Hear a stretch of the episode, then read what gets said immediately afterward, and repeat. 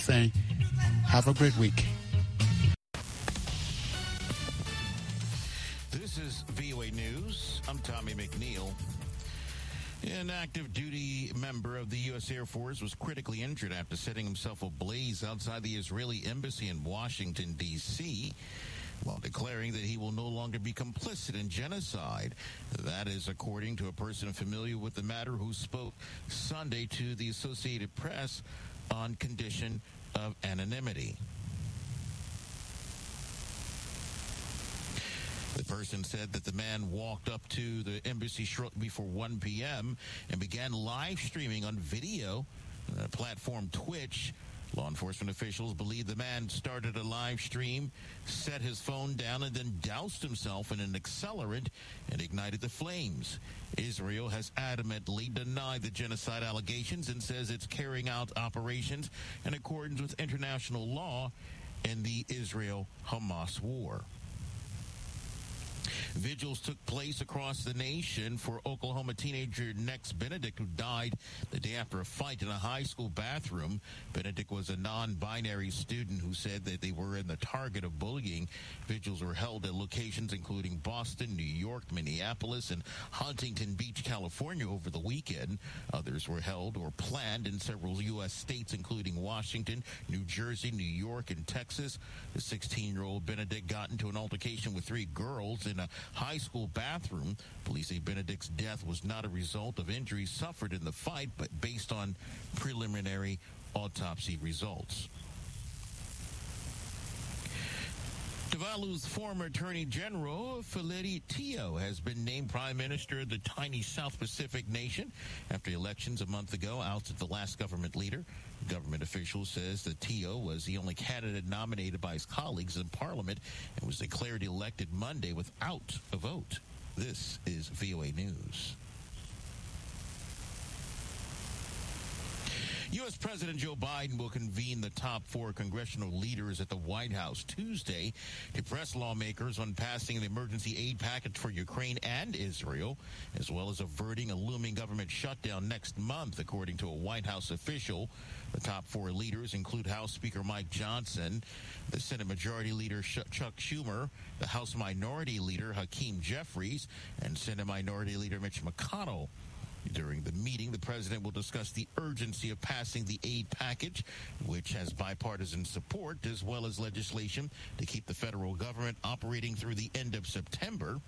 That's according to the White House official who was granted anonymity to discuss a meeting not yet publicly confirmed.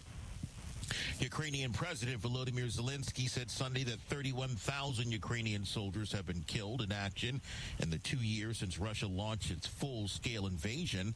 Zelensky said that the number was far lower than estimates given by Russian President Vladimir Putin's government. 31,000 Ukrainian military personnel have been killed in this war, not 300,000, not 150,000, not whatever Putin and his deceitful circle have been lying about, he said. Nevertheless, each of these losses is a great sacrifice for us, Zelensky went on to say.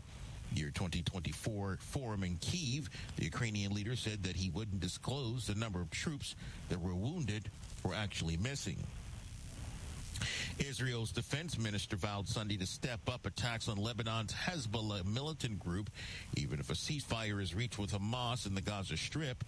Hezbollah, which has been exchanging fire with Israel throughout the war in Gaza, has said it will halt its nearly daily attacks on Israel if a ceasefire is reached in Gaza. But the Israeli defense minister, Yoav Gallant, said that anyone who thinks a temporary ceasefire for Gaza will also apply to the northern front is mistaken. He said that they'll continue the fire and they'll do so independently from the south until they achieve their goals. Republican presidential candidate Nikki Haley says it is not the end of the story despite Donald Trump's easy primary victory in South Carolina, which is her home state. She was a one-time governor there and had long suggested a competitiveness with the former president would show. Defying calls from South Carolina Republicans to exit the race, Haley traveled Sunday to the state of Michigan, which holds its primary on Tuesday. Speaking to a hotel ballroom packed with hundreds of supporters in the less than 24 hours following her Saturday night loss to Trump, Haley's campaign said that she had raised a million dollars from grassroots supporters. I'm Tommy McNeil, VOA News.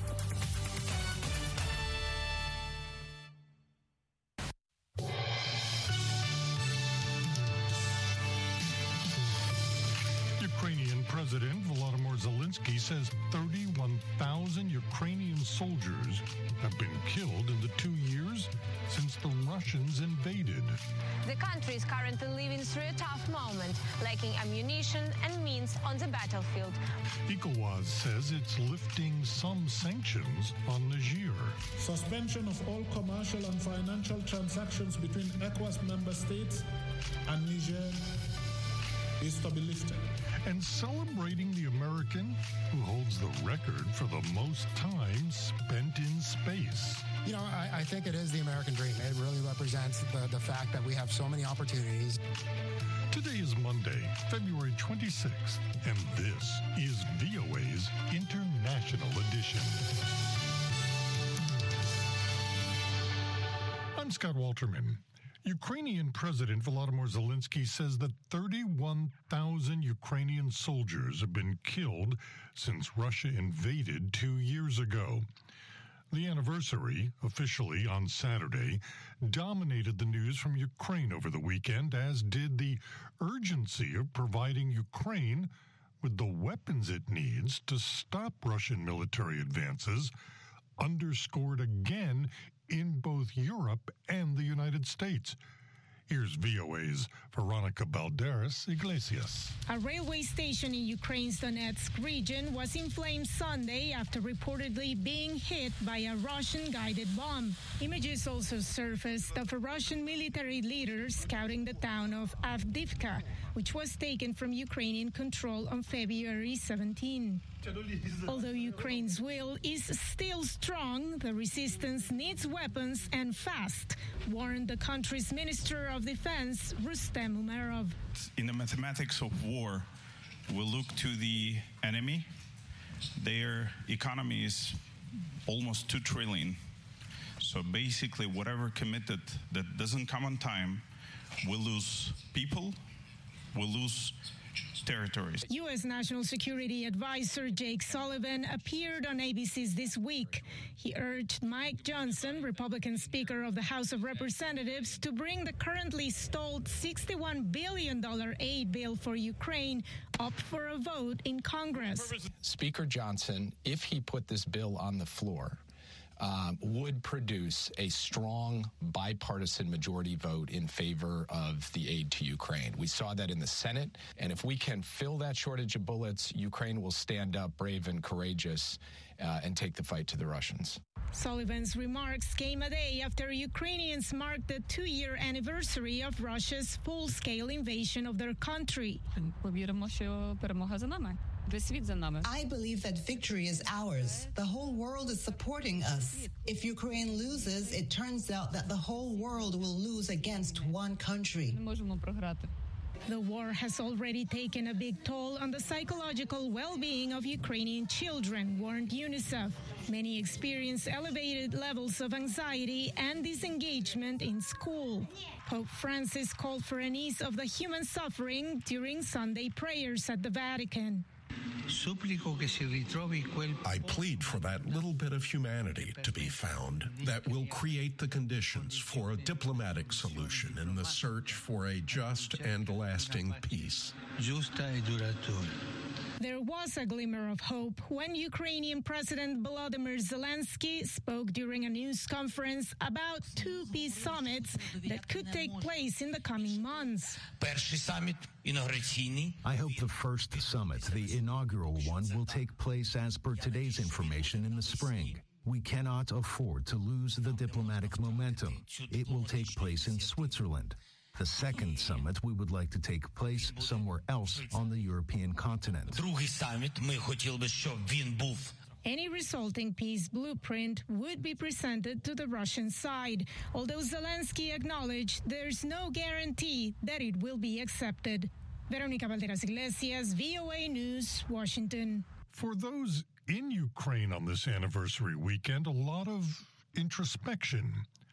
Anna Chernikova reports from Kiev. Two years ago, like millions of Ukrainians, I woke up here in Kiev to the sound of the first explosions. Before dawn on February 24th, Russian forces launched a full-scale assault, reaching the outskirts of Kiev in less than 24 hours. Since then, Ukraine has demonstrated incredible resilience. It has had ups and downs on the battlefield, but Ukraine has regained control of 50% of territories occupied by Russia since February 2022. The country is currently living through a tough moment, lacking ammunition and means on the battlefield, waiting for more aid from the international allies. There is a fear Russia is preparing a new assault and will try to occupy more territory. These two years changed the nation's perception of normal life, with constant air raid alerts and shelling becoming an everyday routine. Ten years ago, Ukrainians made their choice in favor of a European future. Now they believe there is no other way than to continue to fight for the country's existence and European values. Anna Chernikova, VOA News, Kyiv. The United Nations says more than 10,000 civilians have been killed and nearly 20,000 others wounded since the start of Russia's invasion.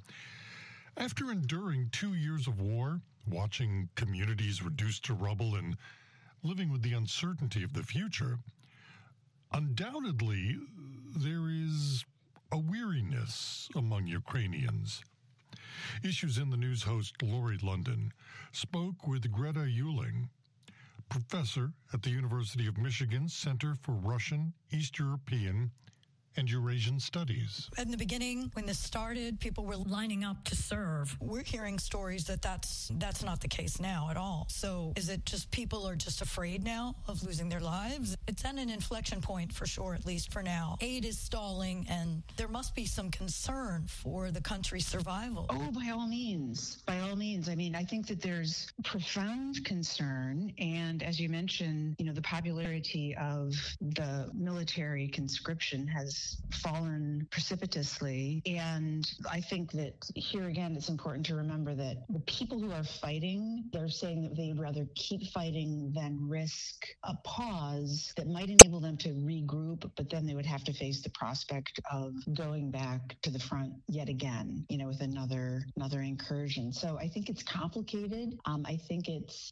difficult. I think that as during the, you know, the initial full scale invasion in 2020, 2022, February, the country continues to face an existential crisis. There's no question. There's no question. It's important to remember that the World Bank, USAID, the European Union, European governments, all of these partners are also involved. The attention has been pretty focused on the importance of weapons from the United States that Europeans right. don't have the ability to provide. Exactly. Exactly. Yeah, I think, you know, the, the sense of rage and betrayal alongside the weariness is is good to underscore. Are they feeling feeling sort of betrayed by the United States? Yes, because you know the United States, Ukraine will, willingly gave up its nuclear weapons in 1994 under the Budapest Memorandum, with security assurances that you know the U.S. and Great Britain in particular would rise to their defense in the event of a violation of their state sovereignty. And now the U.S. government is saying, well, maybe not.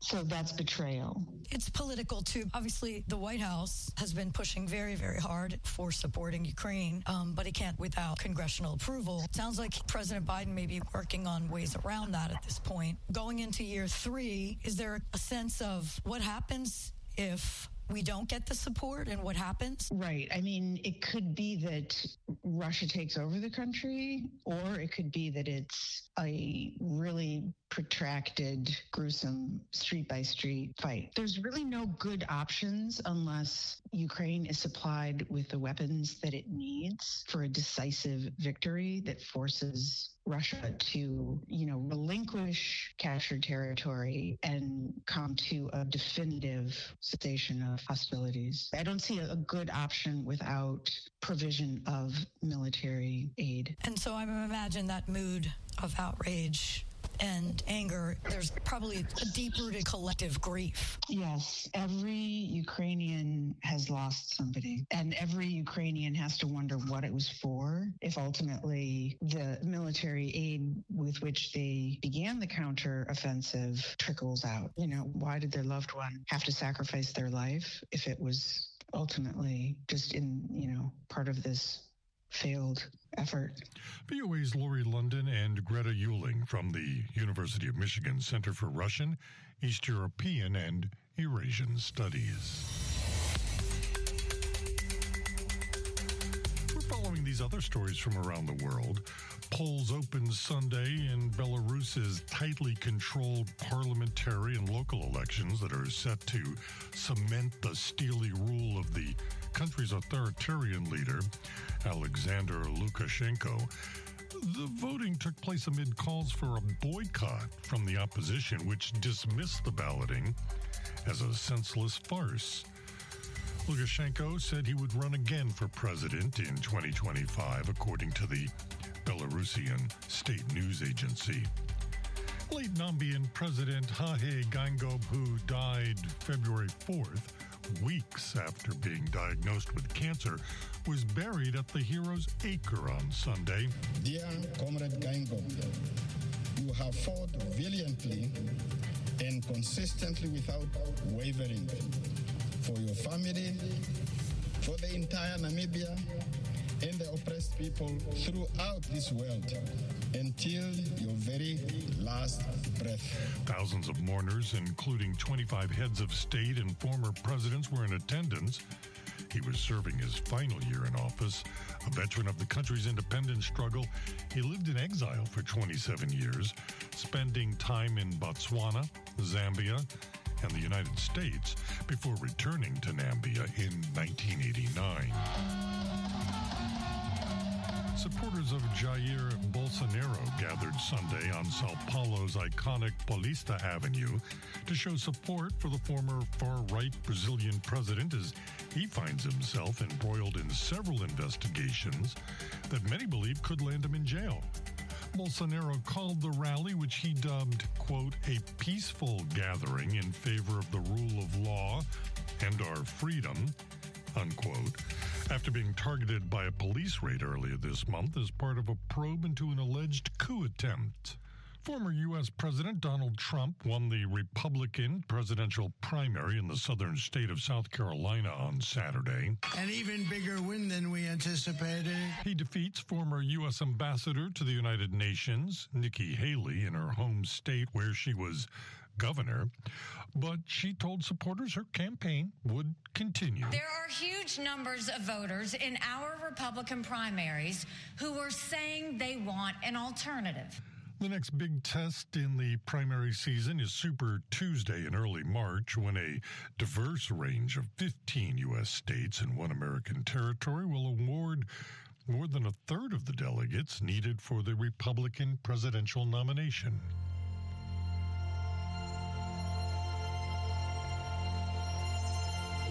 ECOWAS, the West African regional bloc, said Saturday would lift strict sanctions on Niger as it seeks a new strategy to dissuade three junta led states from withdrawing from the political and economic union. Here's Reuters correspondent Alice Rizzo with more. Leaders of the Economic Community of West African States met to address a political crisis in the coup hit region that deepened in January with the military ruled Niger, Burkina Faso, and Mali's decision to exit the 15 member bloc. ECOWAS President Omar Touray. Closure of land and air borders between ECOWAS countries and Niger to be lifted.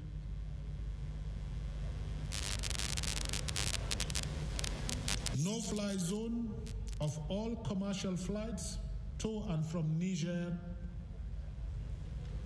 is to be lifted.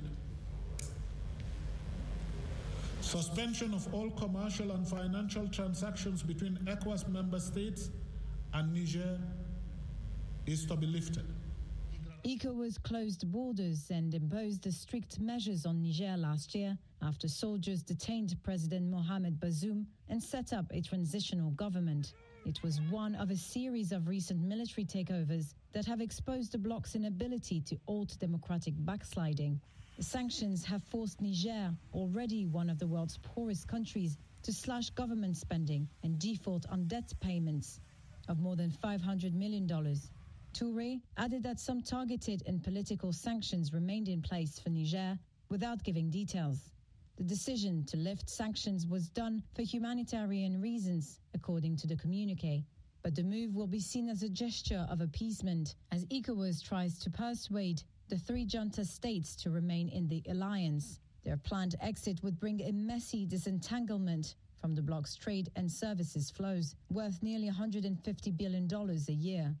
ECOWAS said it had lifted certain sanctions on junta led Guinea, which has not said it wants to leave the bloc, but has not committed to a timeline to return to democratic rule.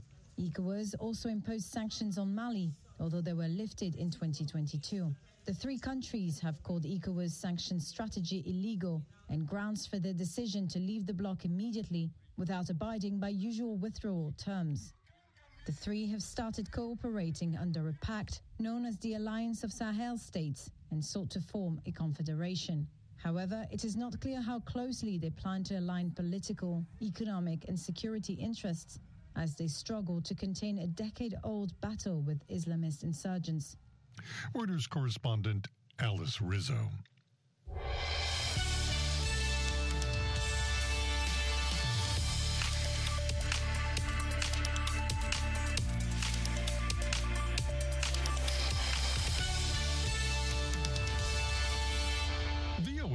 International Edition continues. I'm Scott Walterman.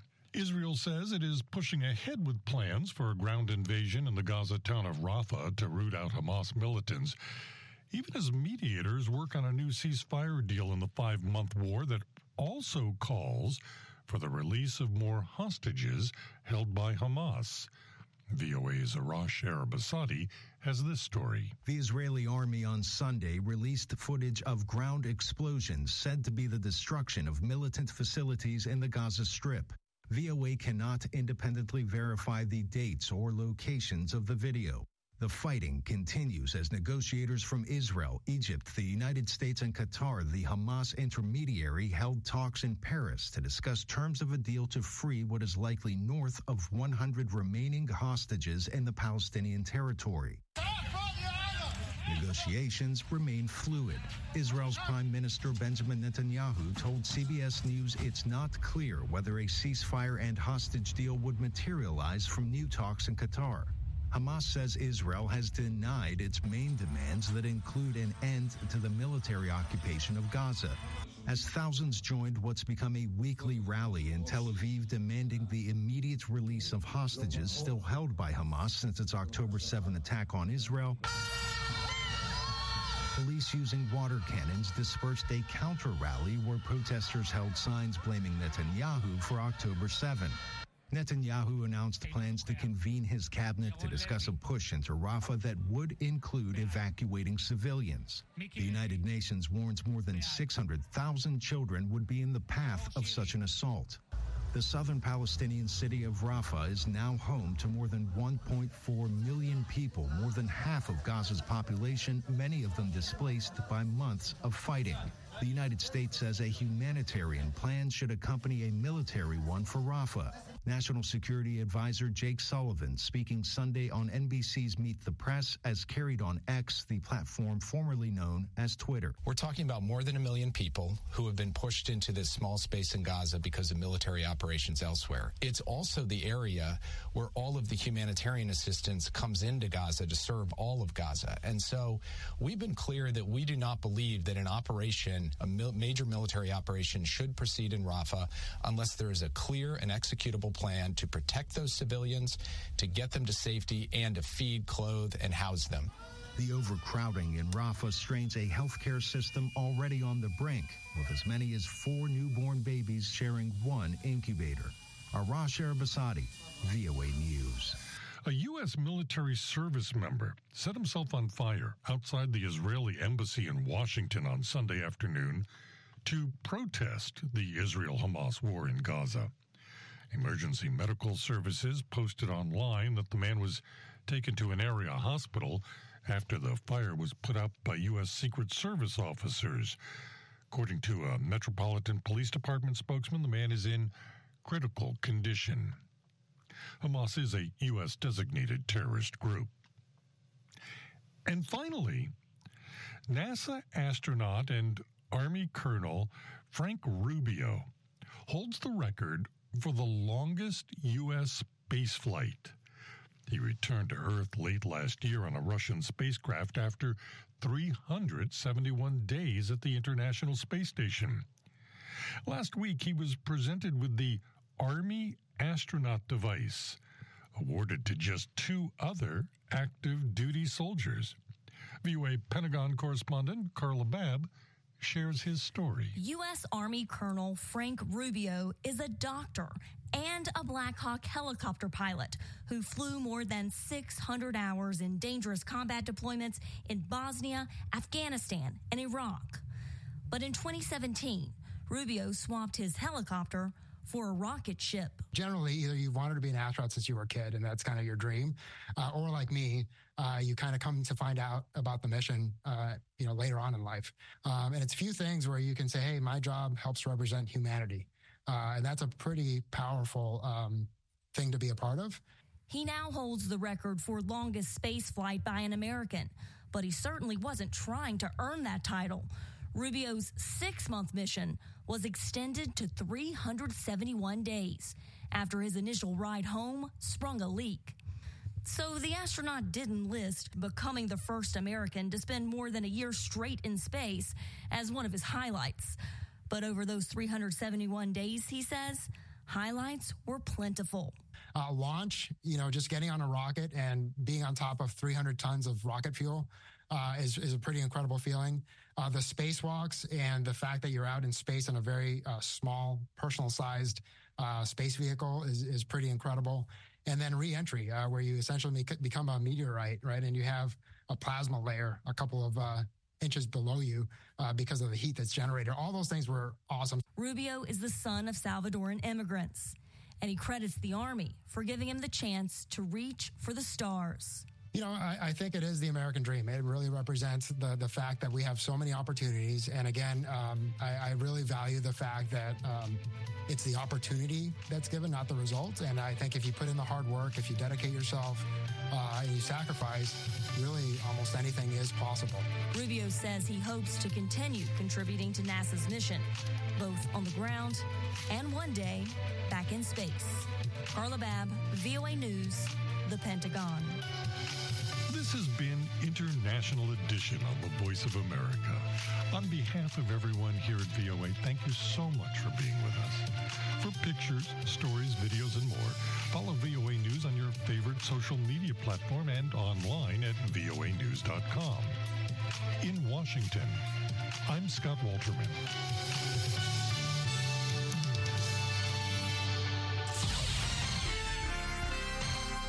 Next, an editorial reflecting the views of the United States government. In the wake of the death of falsely imprisoned Russian dissident Alexei Navalny and one day before the second anniversary of Russia's invasion of Ukraine, United States President Joe Biden announced that he will levy over 500 new sanctions on Russia, escalating pressure on Vladimir Putin. Along with the sanctions, the United States is also imposing export restrictions on some 100 entities for providing backdoor support for Russia's war machine. We are taking action to further reduce Russia's energy revenues, and I've directed my team to strengthen support for civil society, independent media, and those who fight for democracy around the world, said President Biden in a written statement. Ten years ago, Putin occupied Crimea and created puppet regimes in Ukraine's Luhansk and Donetsk regions. Two years ago, he tried to wipe Ukraine off the map. If Putin does not pay the price for his death and destruction, he will keep going. And the cost to the United States, along with our NATO allies and partners in Europe and around the world, will rise, said President Biden.